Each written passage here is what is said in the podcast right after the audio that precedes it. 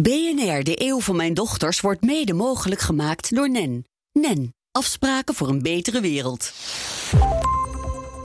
Dit is een verhaal over een wereld waarin we misschien wel gaan naar een driedaagse werkweek. En een wereld waarin je je moet blijven verwonderen. Want je weet niet wat straks van je kinderen geëist gaat worden. Het enige wat je wel weet is dat het waarschijnlijk niet is wat je nu denkt dat het is. Sandra Flippen is het economisch geweten van Nederland en stelt bij elke bewering een wedervraag of het wel klopt en op de juiste manier is berekend. We leven ook in een statusgevoelige wereld en werk blijft belangrijk voor ons. Creëert een soort red race waarin we voortdurend bezig zijn hard te werken om daarmee status te verwerven, om ons te onderscheiden van anderen. Paul de Beer denkt na over de waarde van werk in de 21ste eeuw. Dit is de eeuw van mijn dochters en in deze aflevering leren we alles over de toekomst van ons werk.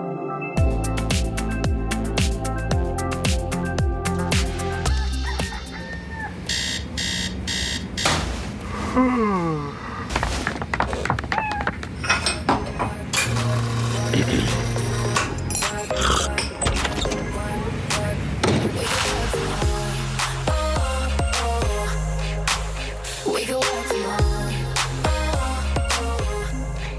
werken. Papa werken. Mijn tweelingdochters Puk en Keesje zijn 2,5 jaar oud. Het zijn kinderen van de 21ste eeuw. Een eeuw waarin alles in beweging is. We leven niet in een tijdperk van verandering, maar in een verandering van tijdperk. Dit is de eeuw van mijn dochters. Ik ben Paul de Beer, ik ben uh, hoogleraar arbeidsverhoudingen aan de Universiteit van Amsterdam. En ik ben ook nog directeur van het wetenschappelijk bureau voor de vakbeweging. De vraag is eigenlijk heel simpel: moeten mijn dochters straks nog werken? Moeten dat durf ik niet met zekerheid te zeggen. Maar dat ze nog zullen werken, die kans lijkt me heel groot. Wat is het verschil tussen moeten en zullen? Um, nou, moeten betekent dat je eigenlijk het onvermijdelijk is om te werken als je bijvoorbeeld in je inkomen uh, wil voorzien. Um, um, en kunnen of zullen is uh, voor een belangrijk deel natuurlijk ook afhankelijk van de eigen keuze die je maakt. Het is niet helemaal uitgesloten dat we over 20, 30 jaar zo welvarend zijn en de sociale zekerheid zo hebben ingericht dat je in principe niet meer hoeft te werken. Omdat we allemaal een basisinkomen krijgen. Bijvoorbeeld, dat zou een mogelijkheid kunnen zijn. Maar zelfs dan verwacht ik dat de meeste mensen nog wel zullen willen uh, werken, omdat werk ook gewoon uh, verrijkend is voor je leven, mogelijkheden biedt tot ontplooiing en, en dat soort zaken. Elke week laten we wetenschappers uit het veld ons wegwijs maken in de komende eeuw. De mensen die de komende decennia gaan vormgeven. Maar wat betekenen alle veranderingen die op ons afkomen nou voor ons als mens? Daarover techniekfilosoof Peter Paul Verbeek. Moeten mijn dochters straks nog werken?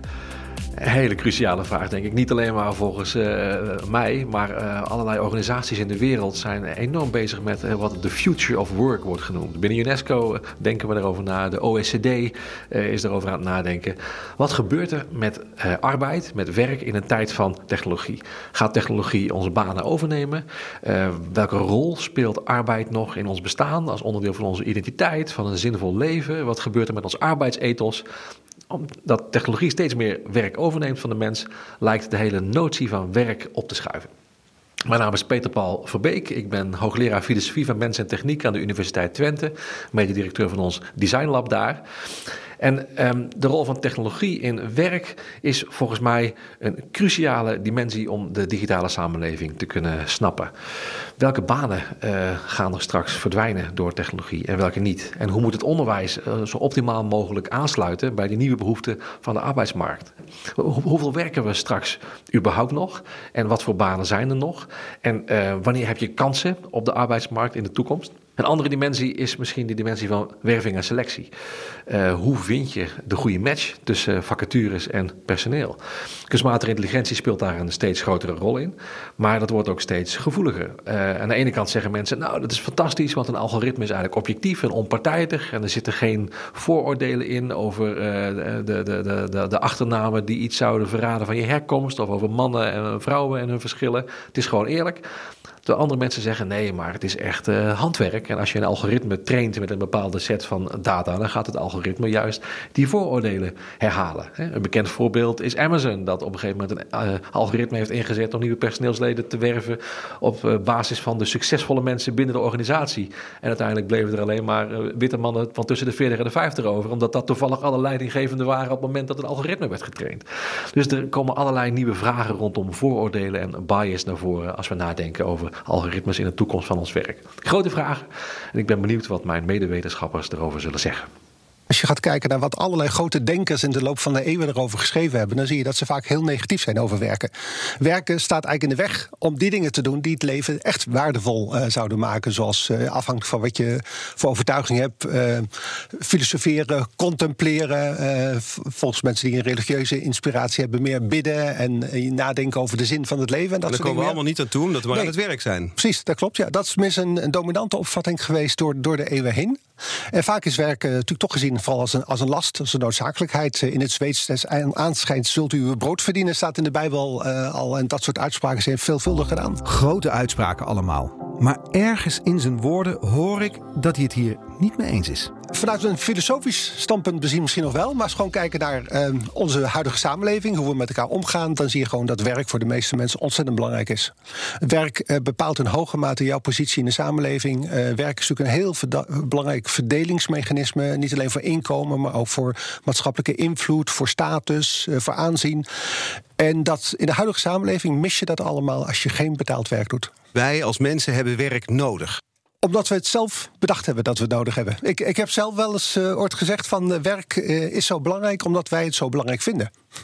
Ja, en dat is dan, wij vinden het zo belangrijk omdat we dat nodig hebben om een, onze identiteit te bepalen, onze ja, status. In, in, in, nogmaals, in onze samenleving, zoals wij dingen georganiseerd hebben, heb je werk nodig om, om een maatschappelijke positie, een status, een aanzien en daarmee ook zelfrespect bijvoorbeeld te krijgen. Ja. Ja, dat betekent dus dat ik mijn dochters ja, toch zal moeten aanraden om te gaan werken. Dat maakt hun leven makkelijker. Uh, dat, daar ga ik voorlopig wel vanuit. Ja. ja, tenzij de samenleving wat dat betreft over 20, 30 jaar heel anders ingericht is. Maar dat verwacht ik eigenlijk niet. Dus ik denk dat werk gewoon heel belangrijk blijft. Achteroverleunen zit er dus niet bij. Werk blijft belangrijk in onze maatschappij. Ook in de toekomst, is de verwachting. Hadden al die kenners, filosofen en wetenschappers het dan mis toen ze keken naar werk als een soort last? Het is nog steeds denkbaar dat we ooit heel anders tegen werk gaan aankijken. Uh, in het verleden zijn natuurlijk ook uh, niet eens zo heel lang. De beroemde econoom Keynes heeft het in de jaren 30 al voorspeld dat zijn kleinkinderen uh, misschien maar 15 uur in de week hoeven te werken. En dat dat steeds minder zou worden, mede dankzij technologie. Ja, dat, dat zou nu ongeveer zo moeten zijn, ja, toch? Ja, en dat zou kunnen. Maar heb, we werken ons allemaal de pestpokken. Ja, ik heb ook wel eens uitgerekend... als we alleen die werkzaamheden zouden doen... die we echt nood, nodig hebben om in onze, laat ik zeggen... basisbehoeften te voorzien...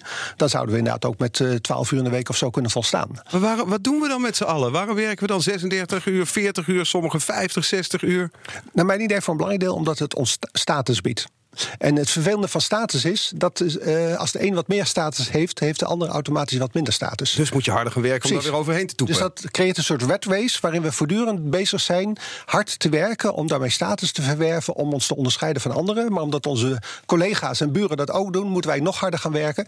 En dat leidt ertoe dat we dus eerder meer uren zijn gaan werken dan minder uren zijn gaan werken in de afgelopen 30, 40 jaar. Als we de cijfers erop naslaan, dan zijn we gemiddeld over de hele bevolking gerekend een aantal weken per jaar meer gaan werken. En dat doen we dus onszelf in zekere zin aan. Allemaal vanwege die, juist, status. Er zijn denk ik heel veel banen die belangrijker zijn vanwege de status die ze aan mensen geven, dan vanwege het feit dat ze zoveel aan de maatschappij bijdragen in termen van echte welvaart of welzijn. Zoals ja. wat? Hoogleraar? Uh, daar kun je over twisten. dat is in ieder geval niet per se noodzakelijk. Ja, voor zover hoogleraar natuurlijk bijdragen dat er hele nieuwe dingen worden uitgevonden die ons leven weer gemakkelijker maken, is dat nuttig. Maar ik ben niet het soort hoogleraar die dat doet. De dus presentator is ook totaal overbodig. in zekere zin ook, ja, ja. ja, precies. Dus we staan elkaar hier eigenlijk bezig te houden met iets wat helemaal niet nodig is. Ja, en de mensen die nu zitten te luisteren doen dat ook eigenlijk uh, zonder dat ze daar misschien uiteindelijk heel veel wijzer van worden. Wat een zinloze exercitie zijn we mee bezig. nou nee, want als we daar allemaal ons beter door voelen, omdat we het gevoel hebben dat daar, daardoor onze status omhoog gaat. Uh, en niet in de gaten hebben dat anderen ondertussen hetzelfde doen, waardoor hun status ook alweer omhoog gaat, dan hebben we toch het gevoel dat we daar beter van worden. Ja, dus uiteindelijk is dit een investering in onszelf. Ja, ja, dat denk ik eigenlijk wel. Ja. ja. ja. Nou, de beste luisteraar, knoop het in je oren. Ja. Maar, maar eigenlijk is het nu ook nog zo, want het gaat niet alleen om status. Het betekent als je, als je minder werkt, betekent het ook dat je minder geld verdient. Ja. En dat, dat lijkt me ook een, een voorwaarde voor werken. Zeker. Maar kijk, we zijn natuurlijk zo welvarend dat we als we allemaal uh, bij wijze van spreken uh, nog maar 20 uur in de week zouden gaan werken. Uh, nu werken we gemiddeld in Nederland over 31, 32 uur in de week. als je de deeltijdens en voltijden samenneemt. Stel dat het 20 uur zou worden, dan zouden we nog steeds een heel welvarend land zijn. Daar zouden we nog heel comfortabel van kunnen leven. Dus als we iets, zeg maar de helft van de uren maken die we nu maken, iets meer. Ja dan zou, zou die economie nog steeds prima draaien in Nederland. Ja, als we natuurlijk wel het goede soort werk dan mee stoppen. Eh, want als natuurlijk alle dingen die nodig zijn voor onze materiële welvaart, als we daarmee ophouden, dan hebben we wel een probleem. Dus wat moeten we vooral mee doorgaan? Uh, nou, in ieder geval de, laat ik zeggen, de dingen die direct gericht zijn op uh, directe productie en directe dienstverlening. Dus wat, noemen, wat mensen in de zorg doen, dat is natuurlijk allemaal ontzettend belangrijk. Dus daar moeten we mee doorgaan. Zorg, onderwijs. Ja, maar heel veel uh, dingen die te maken hebben met. Uh, bijvoorbeeld, er zijn heel veel managementfuncties in Nederland. En je kunt je afvragen of die uiteindelijk nou zoveel toegevoegde waarde hebben. Of mensen daardoor echt beter gaan functioneren. Ik merk aan de universiteit dat ik tegenwoordig toch heel veel formaliteiten heb. Allerlei verantwoordingsmechanismen en zo. Die me gewoon veel tijd kosten. En die per saldo natuurlijk gewoon helemaal niks opleveren. Daar klinkt een kleine persoonlijke frustratie volgens mij. Maar het punt wat Paul wil maken is dat we tegenwoordig zoveel controlemechanismes hebben ingebouwd dat je je kunt afvragen of we niet overdrijven. Een beetje meer vertrouwen hebben in elkaar misschien. Dat is niet verkeerd. Een ander punt wat ik me afvraag is in hoeverre die vaste baan voor ons nog heilig is. Je ziet toch steeds meer mensen die allerlei opdrachten en werkgevers met elkaar combineren. 40 jaar bij dezelfde baas, zoals mijn vader, lijkt niet meer bij deze tijd te passen. Maar Paul is het daar niet mee eens. Sterker nog, de baan voor het leven is helemaal niet weg. Dat wordt vaak gezegd, de baan voor het leven bestaat niet meer. Ik heb dat een paar jaar geleden nog eens onderzocht. En het blijkt van de, van de mannen tussen 55 en 60 jaar...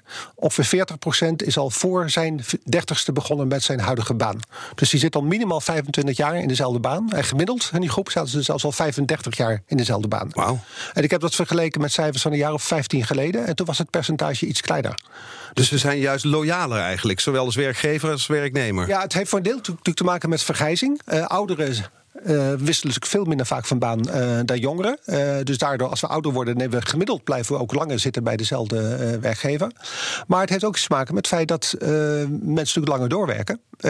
en dat doen ze niet door op een zestigste nog een keer van baan te veranderen. Dat doen ze gewoon door nog vijf jaar langer bij dezelfde baas te blijven. Ja, dan blijf je zitten waar je zit. Ja, ja. Even samenvattend. Mijn dochters gaan in deze 21ste eeuw de arbeidsmarkt betreden. Ze, ze, ook al gaat het economisch beter en zal er iets van een basisinkomen zijn, ze willen gaan werken omdat het nou eenmaal status verleent. Ja, Klopt? Dat denk ik wel. Dan is de vraag: gaan ze in loondienst komen of gaan ze bijvoorbeeld ZZP'er worden? Moeilijk te voorspellen. Ja, dat is moeilijk te voorspellen, zeker. Gaan we het hebben over het aantal uren dat ze werken? Dat lijkt erop dat dat niet die, die, die 15 uur van Keynes wordt of minder uren dan we nu doen, of wel?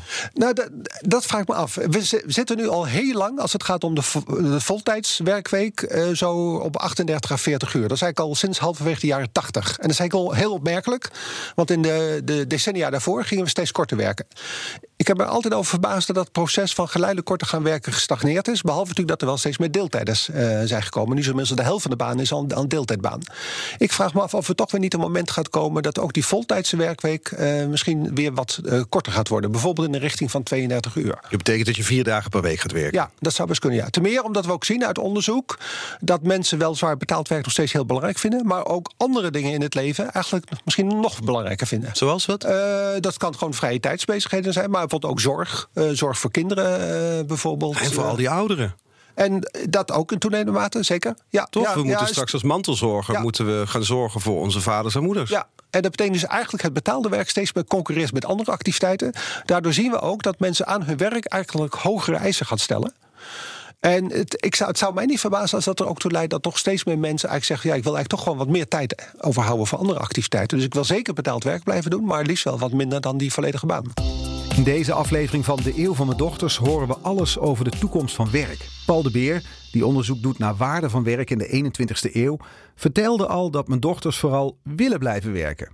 Maar ze gaan wel meer eisen stellen aan die baan. En ze zullen ook niet meer een volledige werkweek gaan draaien. Hoe kan ik ze nu voorbereiden op die arbeidsmarkt van de toekomst? Eén ding, dat weten we natuurlijk, dat, dat is uh, al heel lang belangrijk... en dat zal misschien nog wel belangrijker worden, een stukje je opleiding. Zo'n goede opleiding is altijd een goede startpositie voor, uh, voor op de arbeidsmarkt. Uh, dus dat is het belangrijkste waar je denk ik voorlopig in kan investeren. waarbij overigens ook daar het probleem is dat het ook een soort red race dreigt te worden. Waar met ouders die hun kinderen nog allerlei bijlessen laten doen... en dat soort dingen meer een extra ondersteuning bieden... zodat zij net iets beter kunnen scoren dan weer andere. Die status. weer die status, zeker. zeker ook het begint dus al op de basisschool. Ja, ja, ja. En het, het vervelende ervan is voor je, voor je eigen kind is er heel veel reden om dat te doen. Want de startpositie van jouw kind op de arbeidsmarkt wordt zeker beter als je daarin investeert. Het vervelende is natuurlijk als iedereen dat doet, dan worden we alles bij elkaar er niks beter van. Uh, hetzelfde verschijnsel als uh, als je in, in een uh, stadion zit en je wilt voetbal wat beter zien, je gaat staan. Dan zie jij het beter. Maar als iedereen gaat staan, dan ziet niemand beter. Nou, dat mechanisme doet zich hier eigenlijk ook voor. En dat is in het onderwijs nu aan het gebeuren. Er zijn ja. her en der mensen aan het opstaan. Ja. Want die sturen een kind naar bijles. Ja. Sturen kinderen misschien zelfs naar privéonderwijs. Zeker. Er zijn zeker. allerlei initiatieven om je kind maar voorsprong te geven om beter op die arbeidsmarkt te verschijnen. Ja. en nou ja, eigenlijk heb je weinig andere keuze dan daaraan mee te doen. Want als jij niet meedoet, dan is jouw kind daar de dupe van. Ook al worden we alles bij elkaar niet beter van. Dus daar is een soort ja, het is een conflict, kan je zeggen, tussen het individuele belang en het gemeenschappelijke uh, belang. Ja, en dan denk ik toch, ja, jammer voor de rest, maar ik wil mijn kinderen vooraan zetten. Ja, zeker. Heel Zoals alle ja, ouders denken. Ja, Tegelijkertijd denk ik dat het ook heel goed is om kinderen op voor te bereiden dat het leven meer is dan alleen maar werken. Uh, dat zien we dus nu al, dat mensen ook aan andere zaken in het leven eigenlijk meer waarde zijn gaan hechten ten opzichte van het werk. Waarmee je het belang van werk niet hoeft te relativeren, maar het wel heel goed is dat je je kinderen duidelijk maakt. Er zijn ook andere dingen die het leven waardevol maken. Dus zorg ook dat je daar je op oriënteert. Dus bijvoorbeeld toch bij het kiezen van een opleidingsrichting. Je kunt wel kijken naar wat is nou op de arbeidsmarkt de meest kansrijke opleiding. Maar ik denk dat het toch ook wel belangrijk blijft dat kinderen gewoon iets kiezen wat ze zelf leuk vinden. En waar ze misschien ook buiten hun werk uh, plezier aan beleven. Dus ik, ik, uh, aan de ene kant kan je niet afraden om je te oriënteren op je toekomstige arbeidsmarktpositie. Maar het is toch ook heel belangrijk dat je ook blijft richten op ja, hoe kan je je leven in bredere zin op een zinvolle manier en op een prettige manier invullen. Laatste vraag dan nog even Paul. In al deze beschouwingen over hoe wij zelf tegen werk en vooral de waarde van werk kijken. In hoeverre gaan technologie en robotisering hier niet de dienst over uitmaken? Er zullen ongetwijfeld veel werkzaamheden verdwijnen. Uh, doordat ze door robots en andere nieuwe technologieën worden overgenomen. Maar dat is niks nieuws. Dat is een proces wat zich al uh, zeker 100 jaar voordoet. Vroeger werkten heel veel mensen in de landbouw en dat is bijna volledig geautomatiseerd. Daarna werkten heel veel mensen in, in, de industrie. En ook daar werken nog maar heel weinig mensen in Nederland. Uh, ook geautomatiseerd of naar andere landen uitbesteed. En dat zal ongetwijfeld ook voor nieuwe, voor huidige werkzaamheden gelden. En dan komen dan weer andere banen voor Precies, in de plaats? Dat, dat zie je iedere keer weer opnieuw. Uh, het is moeilijk te voorspellen welke dat zijn. We kunnen wel enigszins voorspellen welke banen verdwijnen. We kunnen eigenlijk niet voorspellen welke banen erbij komen. Maar iedere keer zie je weer dat er weer ontzettend veel nieuwe banen gecreëerd worden. Mede denk ik, omdat dat vaak ook banen zijn die weer status uh, kunnen verlenen. Dus als het gaat om verwerven van status, zijn mensen heel creatief om steeds weer nieuwe dingen te bedenken waarmee ze die status kunnen verwerven. Status zorgt er dus ook voor dat we onze rol en positie weten te pakken in de digitalisering en robotisering van onze arbeidsmarkt. Volgens Sandra Flippen, hoofdeconoom bij ABN AMRO, staat werk ook voor veel meer dan alleen brood op de plank. In mijn ideale wereld is uh, werk iets waarin je jezelf tot ontplooiing brengt. Waarin je ook ontdekt zeg maar, van uh, ja, welke mogelijkheden je allemaal hebt als individu. En, uh, en hoe je die allemaal te gelden kunt maken voor een betere wereld. Oké, okay. dat klinkt allemaal heel idealistisch. Maar hoe gaat dat er nu concreet uitzien straks? Hoe ziet hun werkweek er bijvoorbeeld uit? Als je uh, de lange lijnen uit het verleden zeg maar, gewoon rustig doortrekt naar de toekomst, dan denk ik dat we uh, steeds minder uren gaan werken. En dan zou je, nou, dan, dan gaat het zeg maar richting de drie dagen, denk ik. Drie dagen per week. Dus dan zijn we meer vrij in de week dan dat we werken. Ja, en eigenlijk is dat ook wel logisch. Want uh, kijk, we zien eigenlijk dat, dat uh, als je de hele lange geschiedenis bekijkt, dat ons welvaartsniveau steeds stijgt. Um, en uh, dat ook het uurloon van mensen toeneemt, hun opleiding neemt toe. Het rendement van een jaar extra naar school gaan neemt ook nog steeds toe. Dus zeg maar van elk jaar dat je meer naar school gaat, verdien je daarna nog meer uh, inkomen, nog een hoger inkomen. En wat je dus kunt zeggen is dat als, je, als dat zo doorgaat, dan is het ook logisch dat mensen op een gegeven moment een uurloon zouden hebben, waarbij ze um, dat geld eigenlijk uh, gaan afwegen tegen een uur vrije tijd. En als je genoeg geld hebt om van te leven, dan kun je ook gewoon uh, meer uren vrij zijn. Dan heeft dat ook gewoon heel veel waarde. Als ik naar de geschiedenis kijk, dan lijkt het alsof, alsof werken minder een last is geworden en ook leuker is geworden. Zeker, ja. Is dat iets wat zich in de toekomst gaat voortzetten? Um, ja, dat hoop ik. Dat, dat, dat moet ik wel zeggen, zijn, daar heb ik wel wat zorgen.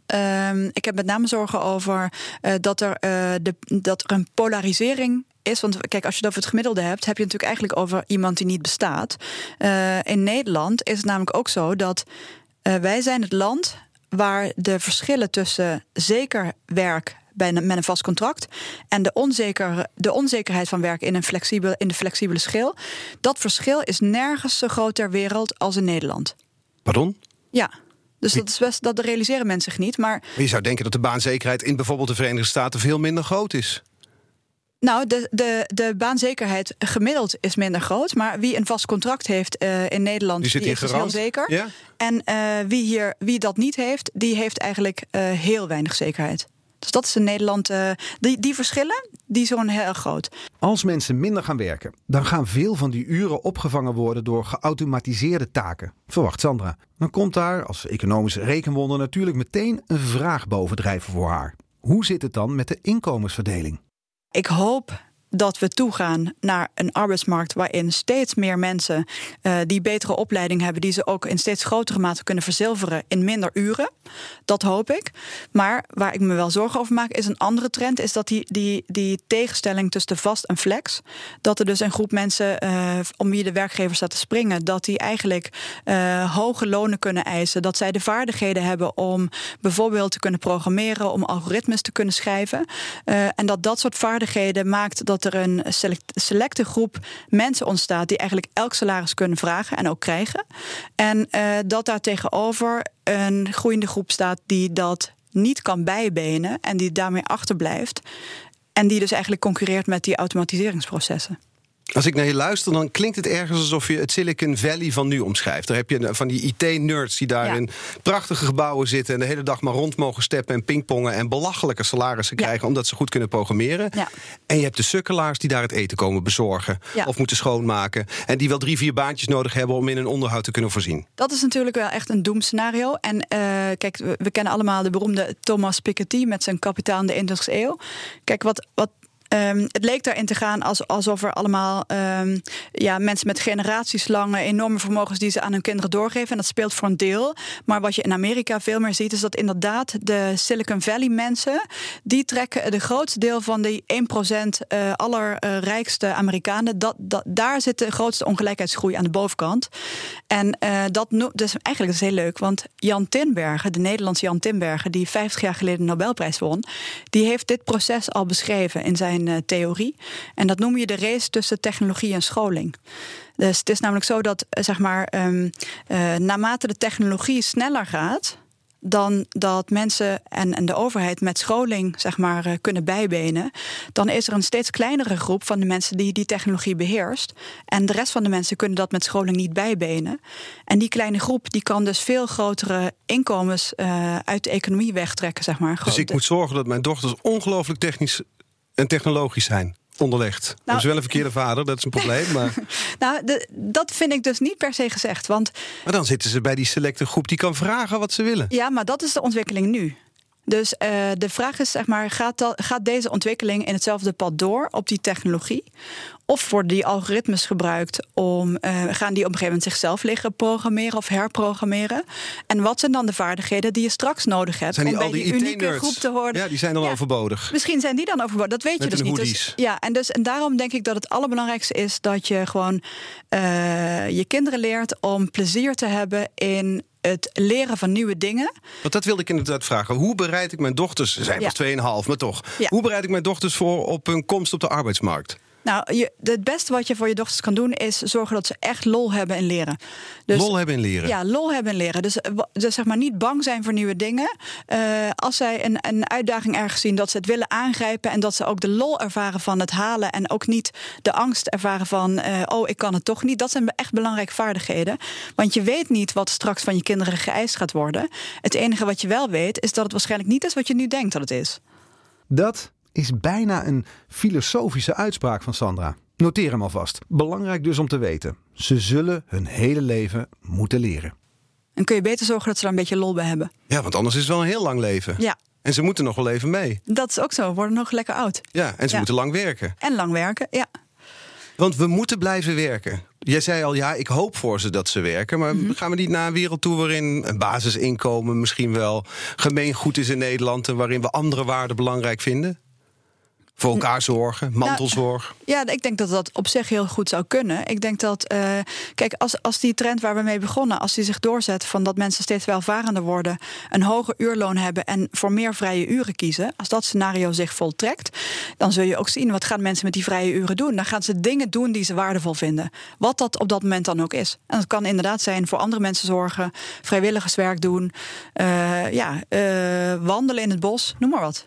Maar ik, ik, ik vraag, blijft werken leuk? Als ik mijn arbeidsbestaan vergelijk met dat van mijn vader bijvoorbeeld. Die Ja. heeft 40 jaar voor dezelfde baas gewerkt. Ik, wissel, eh, ik heb wisselende partners, in ieder geval op werkgebied. Hoe, hoe, hoe gaat dat in de toekomst zijn? Gaat dat, gaat het, ja, hoe gaat zich dat ontwikkelen? Dus met andere woorden, mijn vader had de zekerheid. Die stapte s ochtends op de fiets, broodrommel achterop... en, en, en die kwam ook om vijf uur 's middags weer terug. Bij mij Ja. is dat al totaal Ja. anders. Is er iets te zeggen over hoe ons werkveld eruit gaat zien in de toekomst? Nou, je zou, je zou kunnen kijken, als we die twee lijnen uitstippelen, van eh, zeg maar het positieve en het negatieve scenario. In het positieve scenario ehm, gaan we allemaal inderdaad naar een, een eh, via onze eh, hogere opleiding, goed inkomen, gaan we naar ehm, een betere verdeling tussen werk en privé. En wie, een, wie behoort tot de groep, zeg maar, dat je een, eh, een hoge opleiding hebt en een, en een goede baan eh, krijgt, dat je gewild bent bij de werkgever, dan kun je ook rustig een vast contract eh, vragen. en, en misschien wel voor het leven. Misschien wel gewoon de oude structuren voor het leven weer.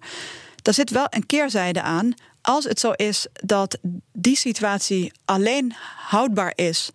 Eh, op het moment dat we de flexibele schil verder uitbouwen, zodat die bedrijven eh, buffers hebben als het, als het slecht gaat met de economie, dan hoop ik niet voor jouw kinderen dat je in die andere groep zit. Eh, en daarom ben ik er zelf voor dat we die twee groepen gewoon dichter bij elkaar brengen. Liever een wat minder vaste baan voor het leven. Liever wat minder zekerheid in een vast contract, maar wel een eerlijkere verdeling en niet een hele grote en groeiende groep buitenspel zetten in een flexibele eh, situatie. Al dus het slotpleidooi van economisch rekenwonder Sandra Flippen. Ze zullen dus moeten blijven werken, mijn dochters. En dat willen ze ook, maar dan wel in een driedaagse werkweek wellicht. Betaalde werk gaat steeds meer concurreren met andere activiteiten, voorspelt Paul. Vrijwilligerswerk, zorg voor je kinderen, zorg voor je ouders. En daardoor gaan mensen hogere eisen stellen aan hun baan. Die red race baart me wel een beetje zorgen. Gedreven door status willen we het steeds beter en net iets meer dan onze buurman of collega doen. Houd je vast aan je ideale puckingcaseje en zorg dat je lol blijft houden in wat je doet. Met een open en nieuwsgierige houding kom je er wel. BNR, de eeuw van mijn dochters, wordt mede mogelijk gemaakt door NEN. NEN, afspraken voor een betere wereld.